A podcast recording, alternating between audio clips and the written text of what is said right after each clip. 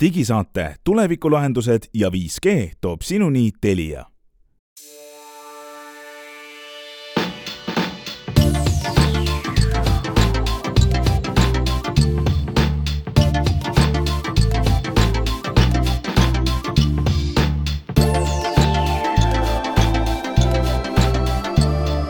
Tere, head kuulajad, nimetu digisaade täna siin kahekümne teisel augustil juba need kuud lendavad nii kiiresti, aga meie oleme, et rääkida teiega viimase nädala tehnoloogia juttu. mina olen Hans Lõugas, Glen Pilvre on ja Meelis Väljamäe on siin kolmekesi, meil on neljas inimene muide veel rääkima.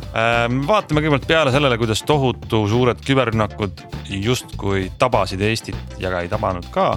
arutame natukene, mis seis on striimingu maailma turul ja siis räägime pikemalt sellest, kuidas elektri hind on väga kallis, kuidas on nutikad lahendused siinsamas Eestis, kuidas mitte kallist elektrit osta ja kuhu äh, me lõpuks välja jõuame, et kas äh, tuleb alati mõelda, kui palju elekter maksab või saab sellest ka kuidagi vabaneda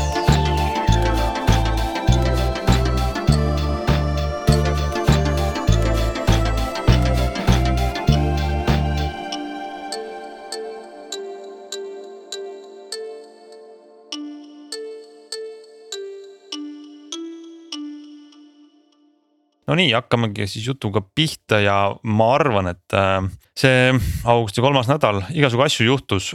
poliitikas, Eesti ühiskonnas mingi tank liikus ühest kohast teise, mis ajas inimesed nii närvi, et, äh, et meie idanaabri poolt tuli tohutu ports äh, küberrünnakuid, võeti ette suur nimekiri Eesti riigiteenustest, Eesti asutustest. see on siis üks Kremli noh, kas käepikendus või mõju all olev või, või otse nende käsul tegutsev rühmitus võttis ühe nimekirja Eesti siis äh, levinumatest äh, pangateenustest e, e-riigi teenustest, äh, sellistest lehtedest ja veebiaadressidest, mis justkui oleks Eestis laialt kasutatavad ja, ja asus neid siis ummistusrünnakutega mm, pommitama. ja riigi infosüsteemi amet, kelle töö on meid kaitsta, vist kommenteeris ka nendelt, et. et rünnakute maht oli äh, väga suur. Huvitaval kombel toodi välja võrdlus aastaga kaks tuhat seitse, kuna mäletatavasti siis ka üks kuju viidi ühest kohast teise.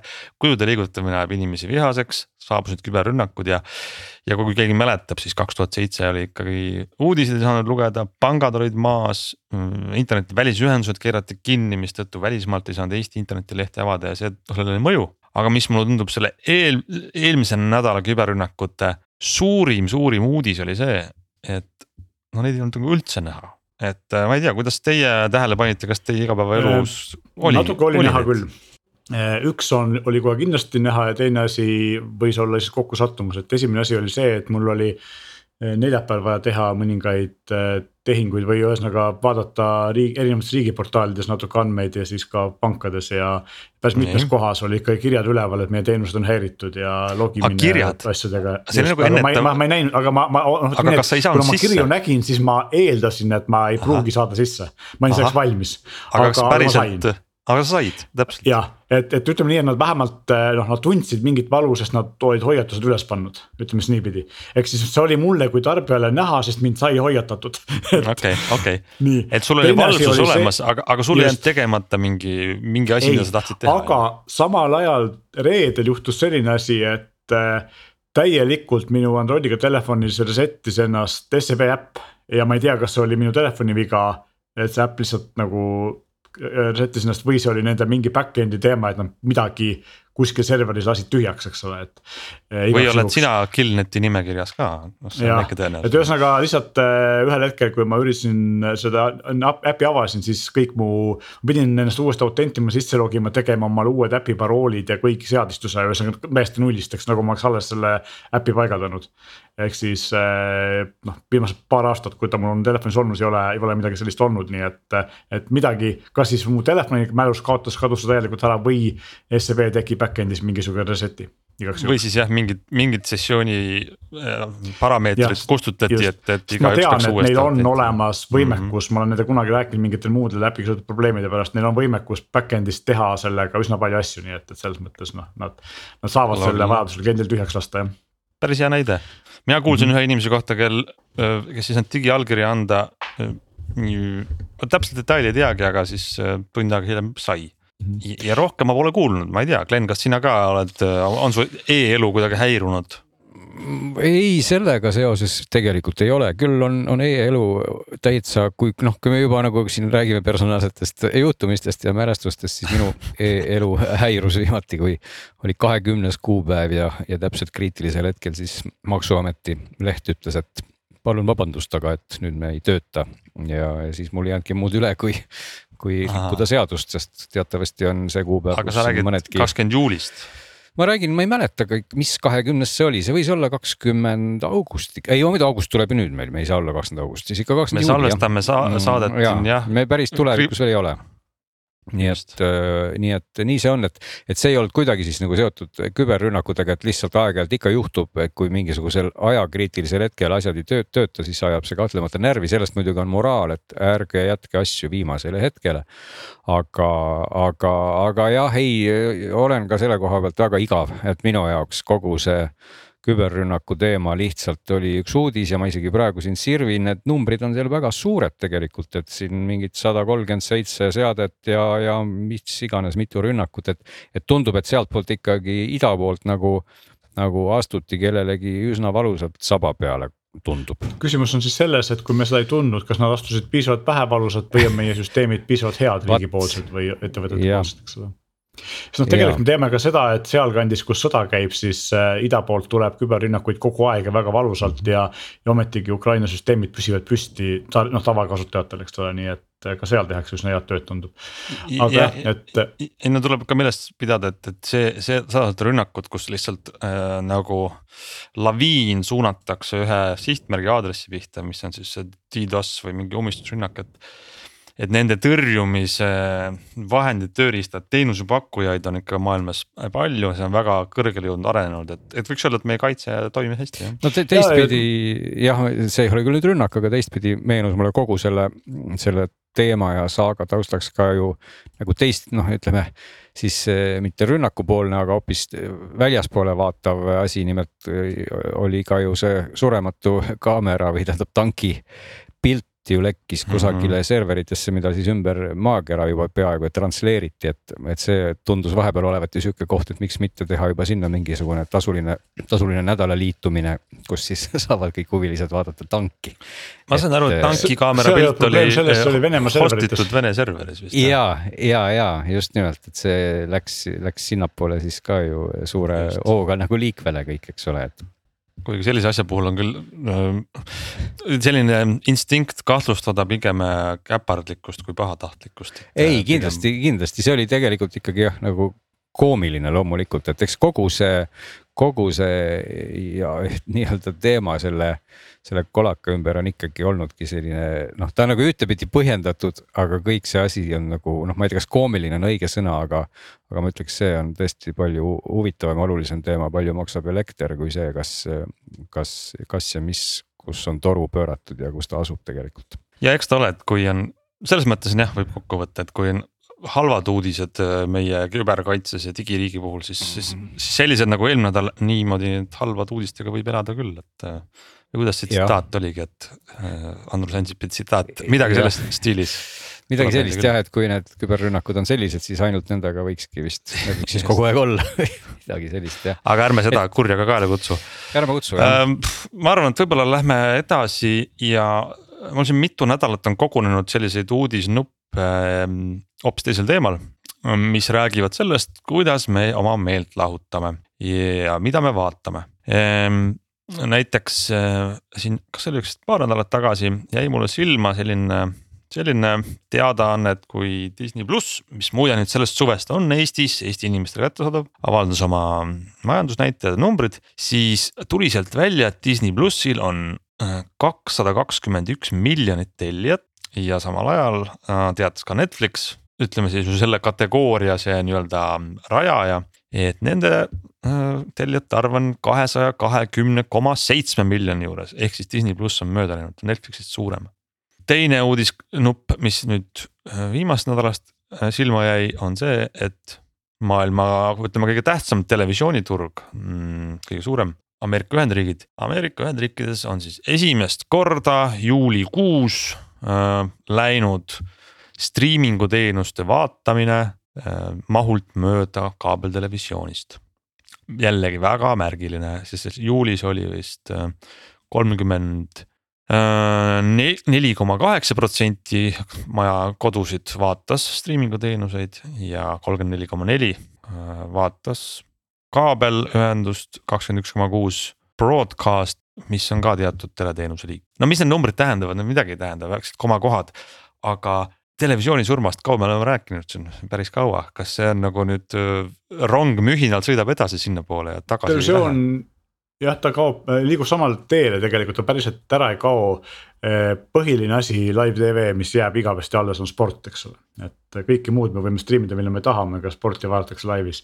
ja noh, võib-olla ka uudiseid, aga uudiseid saab ka striimida, aga põhimõtteliselt on ikkagi see, et nii-öelda eetrist kaob tele ikkagi järjest vähemaks muutub ja jääb ja, ja ka nii-öelda klassikaline televisioon ka muutub ikkagi striimitavaks ehk siis võrku, et nagu siin on ka Eestis näha, et eh, Q3-d, Apollo TV-d ja lisaks tegelikult ka kõik Eesti kaablioperaatorid, Telia, Elisa. Eh, Tele2 ja, ja väiksemad on kõik toonud oma äpid ja nad ikkagi pakuvad seda nüüd üle, üle nagu internetti, eks ole, et.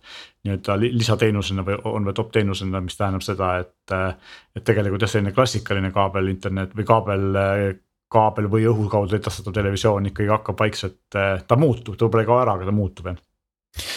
saaks, saaksid ütlema Eesti operaatorite kohta, ma tean Telial on streaming teenus Telia Play nüüd äh, suhteliselt uus. jah, aga see on ikkagi nii-öelda streaming teenus selles mõttes, et sealt, seal ei edastata klassikalisi telekanaleid. et seal on ikka ainult videod äh, ja, ja noh, filmid ja, ja sarjad on ju. ja, ja Elisal on oma. lineaarset televisiooni edastavad ikkagi ka üle üle. ei, seda küll, ma hakkasin küsima seda, et Telial on ja Elisal on, aga, aga mis, kas Tele2 mitte ei pakenda kellegi teise teenust ümber või ei näita seda? Viaplay äkki vist jah. või Go3, ühesõnaga, kes neil endal on seal nende kontsernis. aga, ja ma tean ka STV-l on olemas siis nii-öelda see, nad vahendavad ja neil on omas mingi serverid, et ka neil on mingi äpp ja, ja box ja asjad, et. et tegelikult see asi on ka neil netti kolinud, vähemalt osaliselt et ühest küljest me vaatame üha rohkem striimingu teenuseid ja, ja selle osakaal kasvab ja teisest küljest see striimingu teenuse pakkumine on ka väga kahtlane ja kindlusetu turg, sest et Netflix, kes on, on olnud esimene suur turul, on väga palju raha pannud ise sarju toota, siis me näeme, kuidas Disney pluss neist vaikselt, aga kindlalt äh, on järgi jõudnud ja mööda läinudki.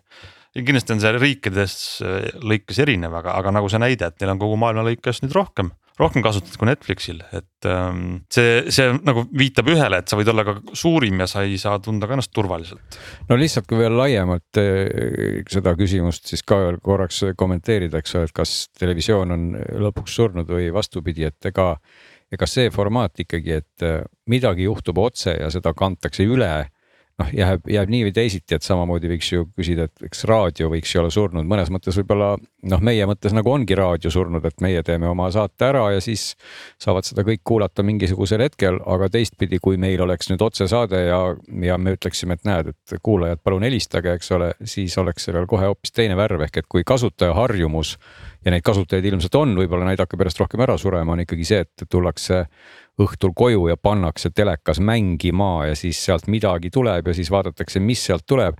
et see on seesama koht, kus televisioon teeb sinust ära valiku, loomulikult nooremate inimeste jaoks ja paljude jaoks ongi täna muutunud selleks noh, sellised Youtube'i taolised keskkonnad, kes tegelikult ka noh, sinu harjumuste vaatamiste baasil ju sulle imehästi oskavad sinu aega hakata nagu sisustama, et sa paned lihtsalt Youtube'i käima. ja tõenäoliselt näed sa seal midagi, mida sa, oh, seda ma ei ole veel näinud, sa vaatad seda, sa vaatad seda. et see nagu võrdub iseenesest minu arvates täpselt selle vana mustriga, mis oli vanasti nagu televiisoril, et sa läksid koju, panid teleka käima ja siis kerisid seal kanaleid. oh, näed, siit ma ei tea, tuleb RTL-ist mingisugune Kutsuge kobra ja sa jäid seda lihtsalt vaatama, olgugi et, et noh, sa ei tahtnud seda vaadata, aga, aga see oli see koht, et sul oli aega praegu tegeleda, nii et see segane jutt jah, ma ütleks, et televisioon kindlasti ei kao sellisel kujul ära, aga ta muutubki, noh, otsesaated jäävad siin alles, aga muus mõttes ta muutubki selliseks võib-olla ajastatud plokkide edastamiseks, sest ega täna ka Netflixid ja mis iganes kõik Disney'd ikkagi, kui nad toodavad mingit oma sisu või seriaale, siis nad ju ilmuvad sinna mingil kuupäeval, eks ole, mingil maagilisel kuupäeval kukub see klõps ja näed, nüüd see siin on ja siis kõik tormavad seda vaatama, nii et tegelikult omamoodi ikkagi see ajastatus on seal ju olemas, eks ole, et, et samamoodi nagu, nagu me ootame mingit põnevat filmi esilinastust, samamoodi juhtub see seal, ainult ta tuleb sulle korraga, eks ole. nii on, no eks jälgime seda aegluubis toimuvat nihet edasi, et eks ta on seotud generatsioonidega nagu, nagu Len ütles ka. mulle tundub küll ja kas ja. sa, Hans, tahtsid ennem alguses nagu mainisid seda, et Netflix versus Disney ja, ja muu maailm, et kas see oli, eks ole, teema, et. et siin on nagu küsimus selles, et, et Netflixil läheb järjest kehvemini, nad kaotavad äh, kasutajaid, eks ja. ja mina olen korduvalt mõelnud, et, et ega Netflix ongi nii kallis, et kas ongi mõtet seda hoida, sest vaadates, mis seal vaadata on, siis nagu on vaadata. aga tegelikult väga palju head sisu on sealt ikkagi ära läinud, kuna needsamad Disney'd ja, ja Paramount plussid ja, ja muud äh, Peacockid ja teised äh, USA kanalite enda või nüüd nende tootjate enda pak-, streaming teenused võtavad ju selle sisu tagasi, eks ole, ja üritavad seda näidata oma kanalites. mis tähendab seda, et see Netflix ja Amazon Prime ja teised sellised, kes alguses alustasid nagu suure hooga, on jäänud sisu poolest vaesemaks, nad peavad seda ise tootma ja. noh, see ise tootmine on selline, et ta on väga kallis ja teistpidi alati ei ole kõige parem, vahest on väga hea, võidab auhindu, aga, aga mitte alati, eks ole ja just vanemaid klassikalisi asju, mida inimestele väga meeldib vaadata, on sealt, neid on ikka väga paljust ära läinud, et. meie Eestis oleme tegelikult kahe koha pealt või kahe asja poolest veel tegelikult heas seisus, esiteks on see, et meil on Netflix märgatavalt odavam, kui ta on mujal maailmas, ka Lääne-Euroopas või Ameerikas. ja teiseks on see, et Äh, meil on alles päris palju sisu, mida vähemalt USA-s enam Netflixis ei pakuta, et äh, väga neid, ma eile ükspäev märkasin just, et Netflixi top kümnes Eestis on jätkuvalt sõbrad. Äh, vana sari, eks ole. USA-s, USA-s ei ole ammu enam Netflixis, kuna selle looja, ma isegi ei mäleta, Peacockis või kus iganes ta jookseb USA-s, et ta ei jookse enam Netflixis, eks ole, see on ära võetud. aga see genereeris neile mõnusat numbreid ja mm -hmm. nüüd teine asi on see, et kui me vaatame uusi tulijaid, et meil on Disney pluss, mis maksab ma ei tea, umbes kuus või kaheksa euro, eurot kuus Seitse ja, ja, ja, ja, ja, ja Apple TV pluss, mis maksab kuus, eks ole, ja siin teisi on veel, et kui me paneme seal ma ei tea, Prime video Oota, ja. oota, ma parandan, Apple TV, Apple TV pluss ei maksa kuus, kas mingi kümme ei maksa või? ei, nii palju kindlasti ei ole. okei okay,, mulle tundus ikka kallim, okei ta on ikka kõvasti alla kümne. Okay. no võib-olla on kaheksa, kümme ta kindlasti ei ole. Disney pluss on kaheksa, Disney pluss on kaheksa ja edasi ja Apple TV maksab viis eurot kuus, neli üheksakümmend üheksa. ma mõtlesin, et ta oli päris odav, seal on muidugi vähem sisu ka, aga seal on kohati nagu päris head sisu. väga head sisu. just ja, ja selles mõttes noh, HBO on muidugi suhteliselt kallis, aga meil saab parem, osasid HBO asju saab näiteks Telia kaudu, kus on Telia TV-st saad võtta sealt lisateenusena ja. ka Telia Play on see selleks jah no tavalise Telia paketi, kui sa vaatad Telia kanaleid, saad sa ka võtta HBO juurde, on ju. ja teine asi on siis see, et, et kui sul näiteks on Go3, siis sealtkaudu saad sa võtta Paramount plussi asjad, mida meil eraldi Eestis veel ei pakuta. aga kuhu ma jutuga jõuda tahtsin, oli see tegelikult, et, et kui sa võtad kas siis sedasama Disney plussi ja Apple TV plussi ja võib-olla ka äh, Amazon Prime'i, mis on tegelikult Amazon Prime on veel eriti selline erand, et meil on ta lihtsalt videoteenus, aga kui sa elad Lääne-Euroopas ja USA-s, siis on ikkagi see põhiasi, miks ta on, on sellepärast, et sul kiiresti ja odavad pakid kätte tuleksid, on ju. ja see video on puhas boonus ja võib-olla sulle aitabki sellest videosisust, mida nemad pakuvad ja aga kui sa nüüd võtad Eestis jah, odavamad kanalid, sa võib-olla saad sealt rohkem sisu, mida sa vaatad kui ühest Netflixist või. USA-s on see asi eriti hull, sest et eh, Netflix omab seal ka, mitte Netflix äh, Disney omab seal ka Hulut, mis on teine konkureeriv, eks ole, selline streaming teenus päris suur. ja ESPN-i, mis on suurim spordikanal äh,. ja kui sa võtad kolmikpaketi, kus on Disney pluss, Hulu ja ESPN.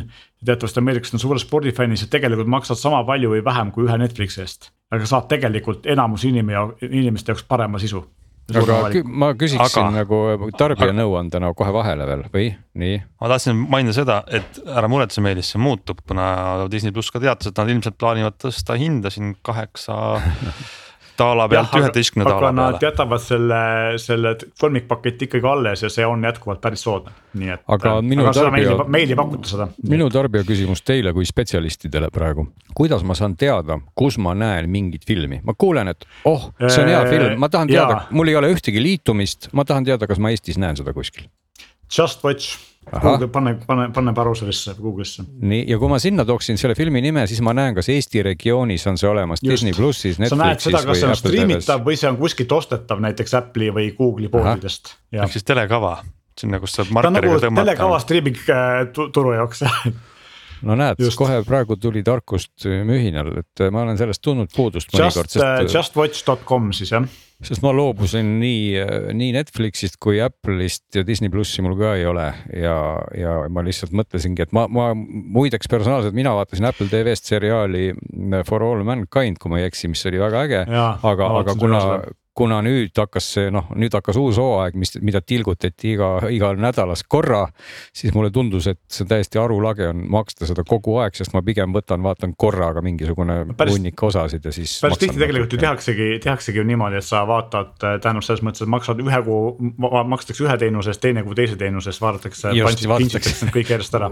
just, just mulle tundus, et see on mõistlik. mis puudutab seda sinu küsimust, et kuidas ma saan vaadata, siis see on nagu jällegi omaette selline ussipesa, sest et, et nii Apple kui, kui Google kui äh, Amazon on tahtnud ju tegelikult, et nende need box'id äh, näitaksid ja nende otsingud töötaksid niimoodi, et, et kui sul on installitud need äpid, siis sa paned selle sarja või sa, filmi nime ja siis ta viskab sulle selle ette, sõltumata sellest, et äh, kus ta on ja siis sa klikid peale ja vaatad või kui, kui sul ei ole seda tellimust, klikid peale, saad selle tellimuse endale luua, eks ole. no aga mina olen ka aru Netflix, saanud siin, ma segan sulle korra vahele. Eriti, nii ei, ma tahtsingi sellega vahele segada. ei taha et..., ei taha sellega, selles osaleda, eks nad ei paku oma sisu niimoodi, et nad ma, ei osale selles otsingus. tahtsin vahele segada sellega, et kui sa kui sa ei ole kasutaja ja sa hakkad otsima mingisugust filmi, et kas see oh, on need, siis sa saad suure üheksakümmend üheksa protsenti on tõenäosus, et sa näed, et see film on olemas aga, aga üheksakümmend üheksa protsenti on tõenäosus, et seal sinu regioonis seda kindlasti kohe ei ole olemas.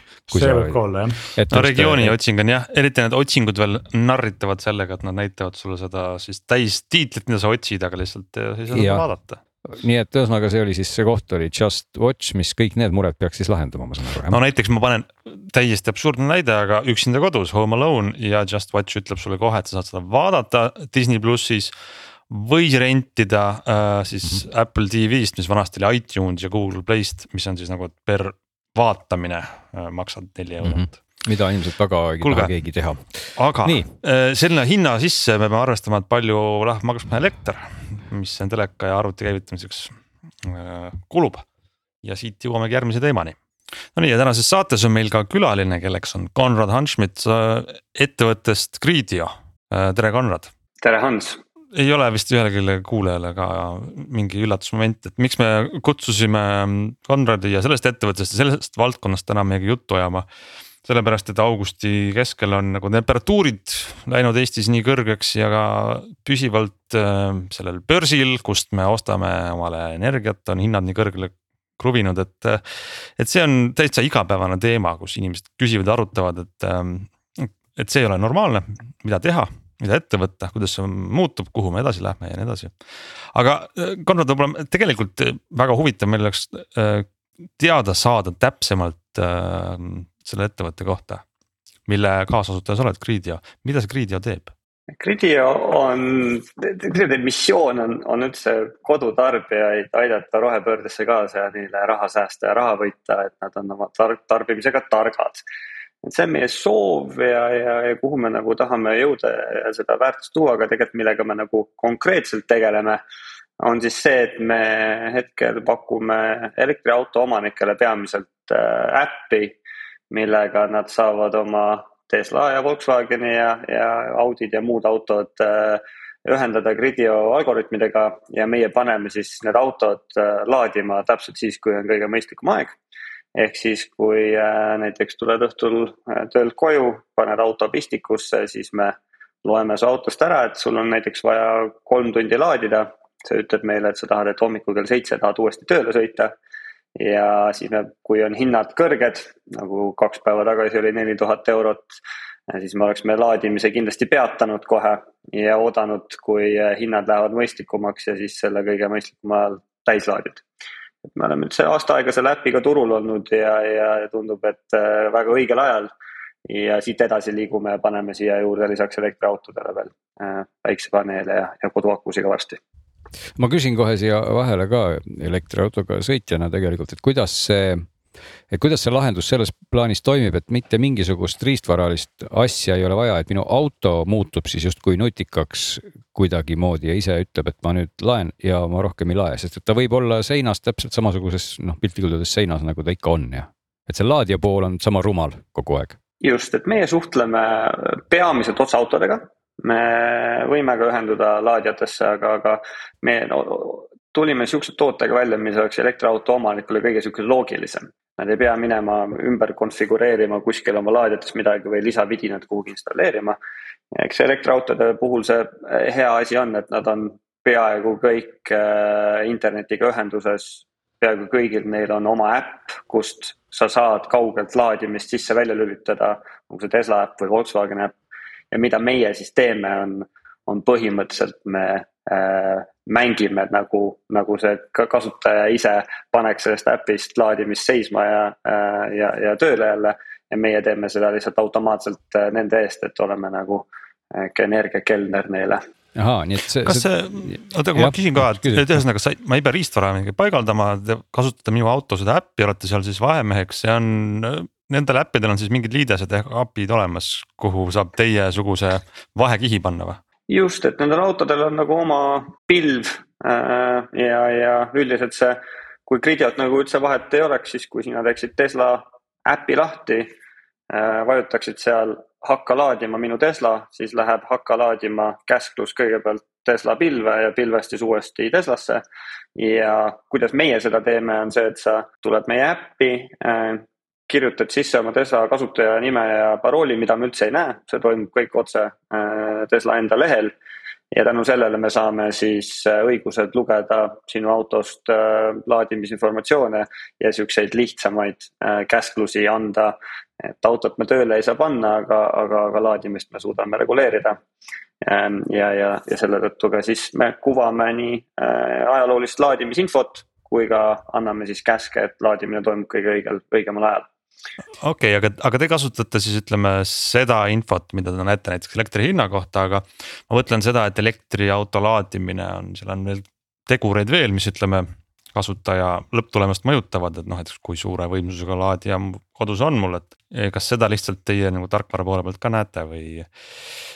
või, või te nii-öelda lubate autol laadida, kui on äh, omanik ütlenud, et piisavalt soodne no me praegu optimeerime üldiselt selleks, et hommikuks oleks auto kõige odavamalt täis. me just nüüd hiljuti kuu aega tagasi äh, tõime ka välja siis nii-öelda päikese laadimise või solar charging'u toote.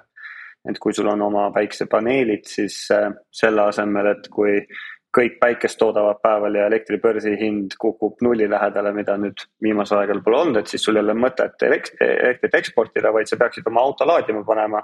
sest see on kõige mõistlikum ja, ja et oleme selle juurde toonud ähm,. talviti me näiteks ei pane tingimata alati kõige odavamal ajal laadima, vaid äh, väga halb on auto akule, kui sa talvel paned ta laadima, sa soojendad aku sellega üles, siis jätad laadimise seisma ja hommikul läheb, paned uuesti, hakkad sõitma, siis uuesti seda akut laadima. et me natuke optimeerime ka seda, et, et sellist üles ja alla soojendamist ja jahutamist ei peaks mitu korda öö jooksul toimuma. kas äh, ma saan sellest äpist kuidagi vaadata ka no ütleme, panna siis mingisugused piirid või mille, mille piires see võib mind nagu üllatada või mitte, et kui ma näiteks äh, tahan hommikuks auto täis laadida, siis selgub, et kella viiest kuueni on näiteks mis iganes mitu tuhat eurot, et kas siis äh, noh, ikkagi äpp laeb ta täis või, või kuidas see pool on lahendatud, et ütleme, et kui, kui keeruliseks või lihtsaks see kasutaja vaatest tehtud on? Äh, me just nädalavahetusel läheb esimestele testkasutajatele sihuke võimalus, et sa saad määrata mis on maksimumhind, millega sa üldse laadida tahad, et noh, kui, kui sul on näiteks tuhat eurot megavatt-tund on see hinnamäär, äh, siis isegi kui sul on see aku tühi, siis me ei lae seda täis. Äh, et see on sinu jaoks liiga hull. väga, väga hästi aku... ajastatud uuendus, et väga, ma tahtsin vahele öelda. tundub, et Glen oleks nagu teadlik meie arendusplaanist no,.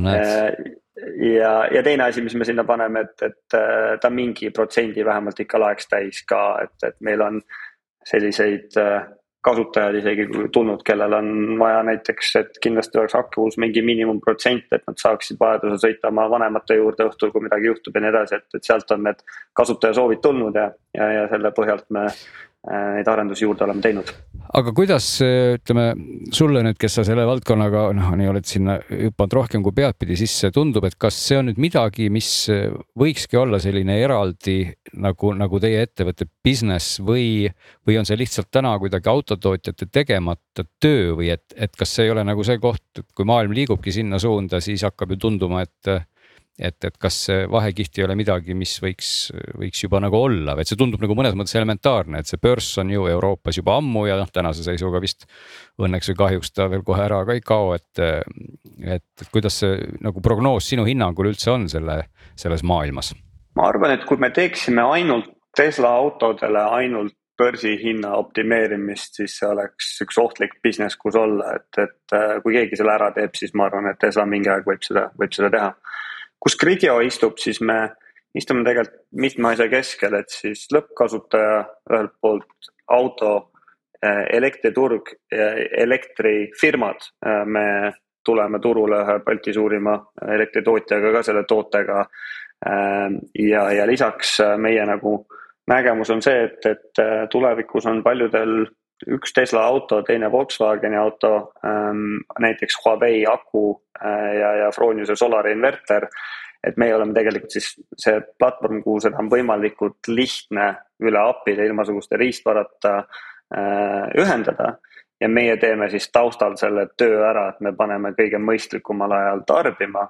ja selle tegelikult siis eesmärk on, on see, et, et äh, see või kas toob siis sulle kui, kui kasutajale lihtsalt nagu säästu. Äh, või siis ka teine variant, et me näeme, et kui tulevikus nagu turud juba arenevad sinna suunas, et, et me võiksime tegelikult ka raha sulle teenida selle eest, et sinu kas Tesla öösel võtab Nord Pooli börsist osa või, või, või su koduaku teeb seda kas see on midagi, mida teie teete täna ainsana või on see midagi, mida teeb siin kuskil soomlastel keegi ja Rootsis keegi või noh, et kui, kui, kui suure ampluaaga see, see lahendus ja teenus üldse võiks tänase prognoosi järgi olla? mida teie vaates meie, nagu on, et see ei ole kindlasti ainult Eesti, eks ole. ja, et meil on tegelikult kõige rohkem kliente Taanis, Norras ja Rootsis. Äh, ja meie suurim konkurent tegelikult Põhjamaades on üks äh, väga äge elektriettevõte nimega Tiber. Äh, nad on sihuke, nad on digitaalne elektrimüüja ja lisaks sellele, et, et sa saad sealt elektrit osta, nad pakuvad ka näiteks auto optimeerimise teenust.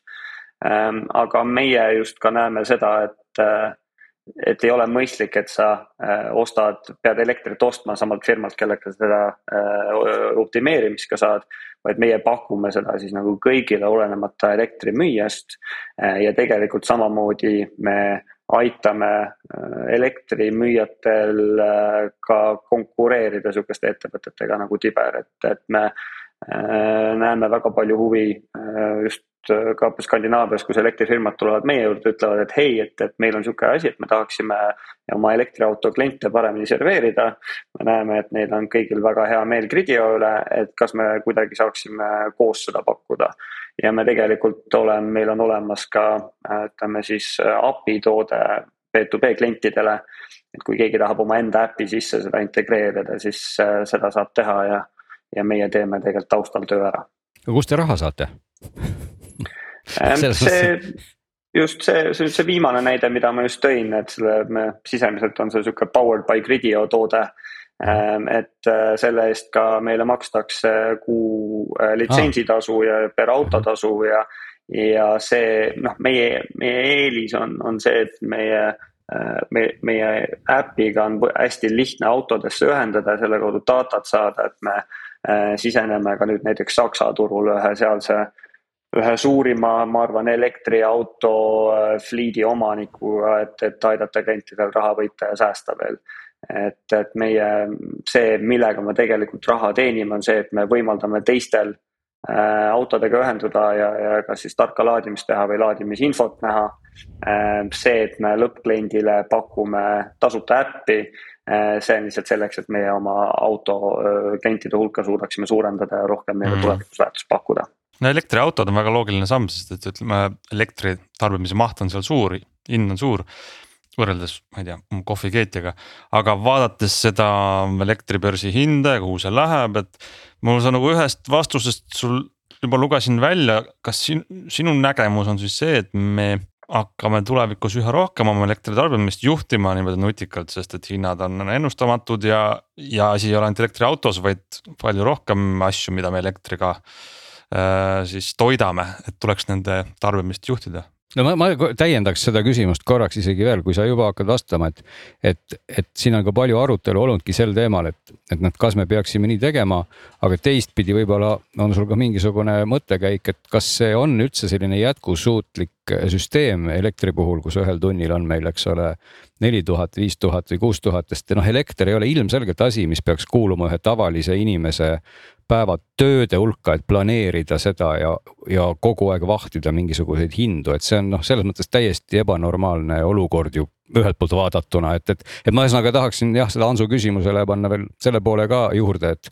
et kas see maailm ongi nüüd selline ja kas sinu hinnangul see jääbki siis sama jaburaks jutumärkides. mina tahtsin sama asjani, ma tahtsin sama asjani jõuda tegelikult, mul oli sama küsimus, et, see Aha. on nagu ebanormaalne, minu arust see on ka üsna eh, ebastandardne, et meie siin selle, mina nimetaks maffiaks eh, Nord Pooli piirkonnas oleme sellega harjunud, aga.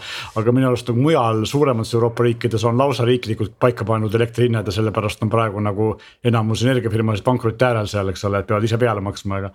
aga et noh, see ongi, see on era, eratarbijale nagu jabur, eks ole, see ei saa olla jätkusuutlik või. just, ühesõnaga vot see, see pool nüüd jah, palun ähm, me oleme selles mõttes ütleme kriisis. Ähm, ma ütleks, et peaks hästi eristama kaks asja, et üks on nagu Nord Pooli äh, börs ja algoritmid, kuidas see käib, see on nagu see exchange, teine asi on, kes seal turust osa võtavad ja Äh, probleem tegelikult on siin ju selles, et äh, ei ole elektri tootmisvõimsust. Äh, et vahet pole, mis süsteem meil siin oleks, see noh, välja arvatud reguleeritud hind ehk see, see probleem oleks ikkagi sama, et me oleme, meil on nagu piiraja punases nüüd viimase üheksa kuu jooksul kaks korda.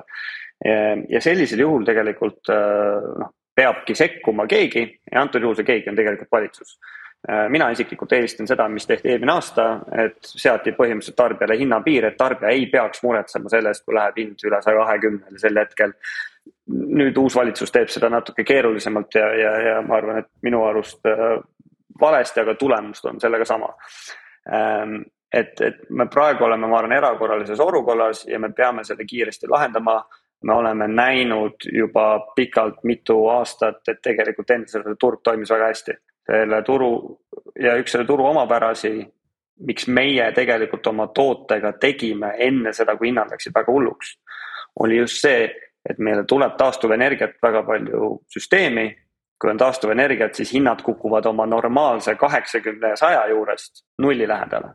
Meie eesmärk oli liigutada tarbimist sinna nulli peale et siis võimaldada taastuvenergiat rohkem ära kasutada.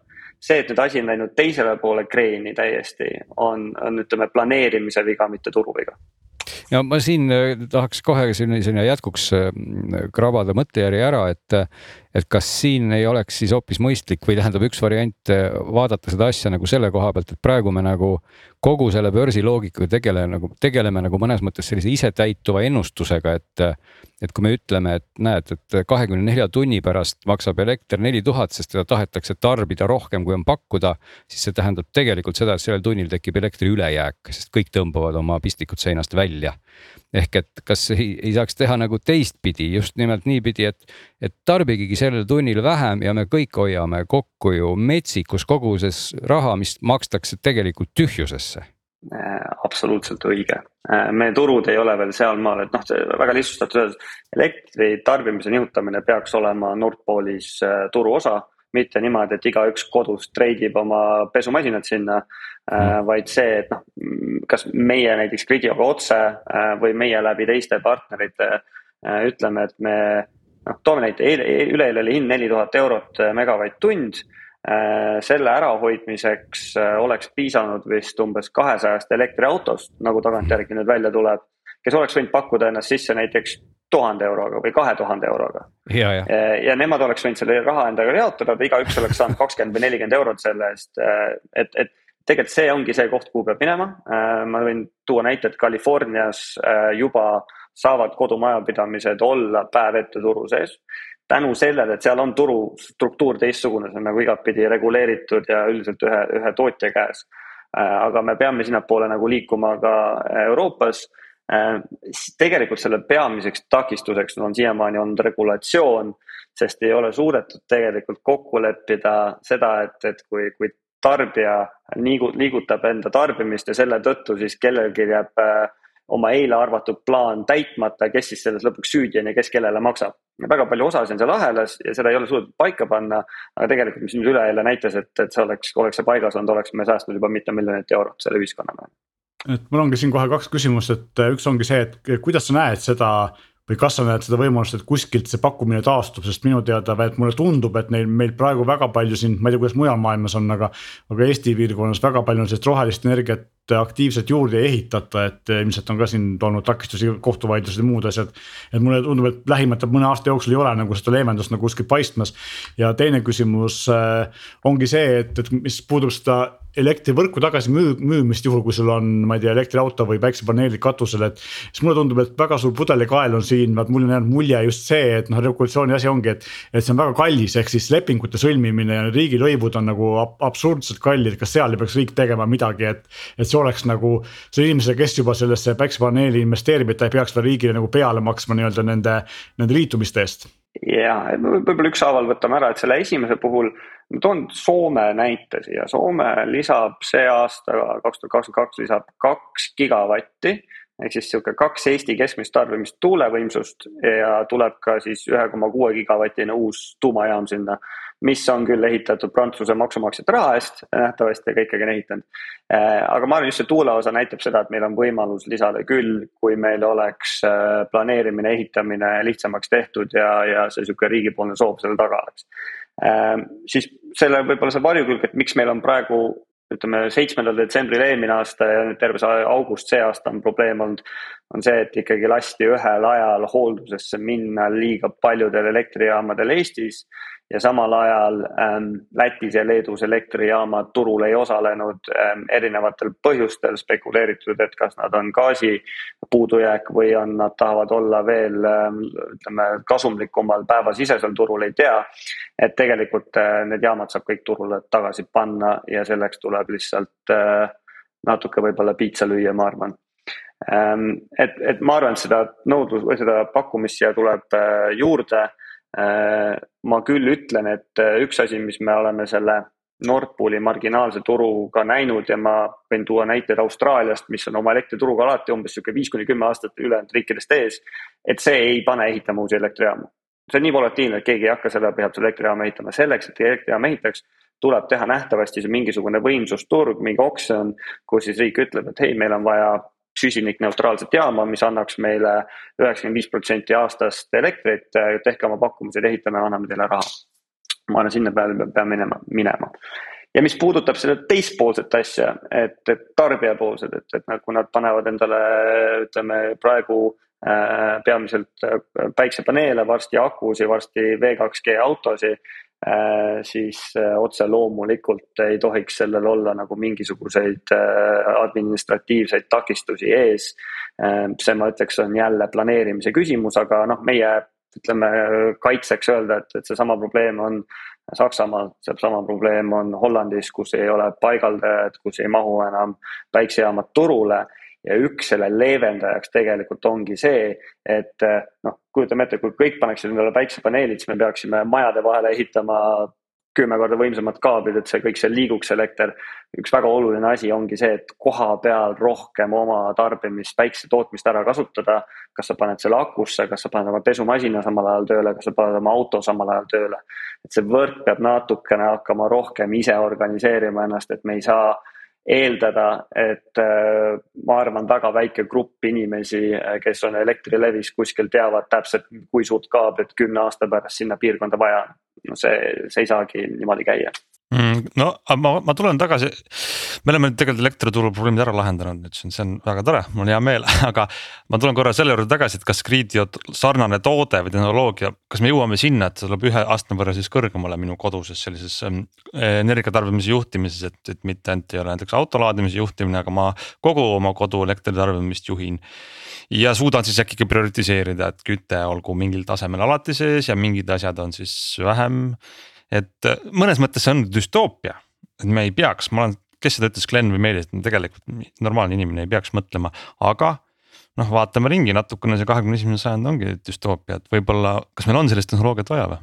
ma arvan, et äh, piisab sellest, kui me juhime õigeid asju ja ma võib-olla isegi võtan siit ühe sammu tagasi, et, et äh, elektriturgude mõttes see kodutarbija on see viimane koht, kus teha liigutusi, sest seal on väga palju äh, ütleme, mitte homogeenseid seadeid, mida juhtuda, et tegelikult peaks olema see tööstuse pealt äh, maksimum välja pigistada, et seal on elektri kasutamine kõige õigemal ajal järgmine on siis äh, äri äh, kinnisvara, kus on see palju paremini planeeritav ja viimane tegelikult on see kodukoht. Äh, seal, miks meie tegeleme elektriautoga, sest elektriautod on väga homogeensed, nad tulevad üldiselt ühel ajal koju, nad laevad enam-vähem ühesuguse võimsusega.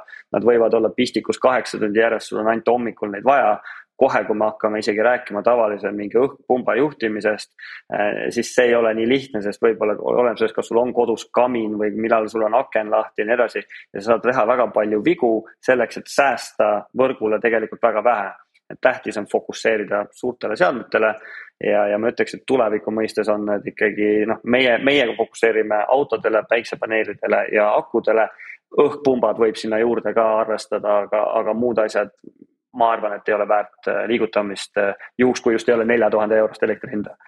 ma, ma tahan öelda kommentaariks, et see oli sul tegelikult väga äh, hästi hea, hea remark, et ärikasutajatel on ka siin suur võimalus säästa, mis toob mulle meelde ühe loo, mis ma kuulsin siis nüüd lõppenud nädalast, et kus üks suur väga suur ja tuntud kontorihoone lülitas välja ventilatsiooni ja konditsioneeri kuuma laine ajal, sellel tipptarbimise ajal mis ilmselt ei teinud inimesi õnnelikuks, kes veel siis pärast viit kontoris olid, aga, aga ju oli nii optimaalsem. no siin äh, ma ütleks veel, tahaks ka, kas, kas just küsida või niisama veel heietada, et, et tegelikult kogu see selline noh, mitte nüüd ärimudel või see loogika ikkagi baseeruks justkui suuresti sellele, et meil on hästi suured kõikumised, eks ole, et a la öösel võib-olla elekter maksab kaks senti ja siis päeval on ta sada. siis oleks nagu väga-väga nagu nii-öelda isuäratav kasutada seda kahesendist elektrit ja sajast mitte, eks ole, nii kui see keskmine hakkab tasanduma, siis kohe hakkab kaduma sellise optimeerimise nagu äriline kasu, eks ole, et ma ise oma elektriauto puhul ka nagu vaatan, et et tõesti mingid korrad tundub, et no vot saaks nüüd selle tunni kätte, aga samas nädal on nii ja järgmine nädal selle õnnetu Nord Pooli peal on meil kogu aeg keskmine mingisuguses absurdses kohas ja, ja me justkui ei võida nagu midagi ja siis ei ole ka sellel teenusepakkujal kuidagi mind nagu ahvatleda, et no mida ma siin optimeerin, kui kui noh, asi lihtsalt on täiesti selline, no ütleme, et seier on nagu Browni liikumine, eks ole, käib edasi-tagasi, et see on nagu natuke kuidagi sihuke murekoht, et väga raske on üldse midagi rajada, mingisugust alust millelegi, kui seda, see, see miski on väga kaootiline siin ongi nagu ütleme kaks äh, jõudu, mis tõmbavad eri suunas. Äh, see esimene jõud tõmbab seda volatiilsust üles. see on see, et kui meil on taastuvenergiatunde, siis kaob põhimõtteliselt hinna põhi alt ära, ta kukub väga lähedale nullile või nullile või negatiivseks, on ju. ja teistpidi viib üles CO2 kütuse hind, on ju.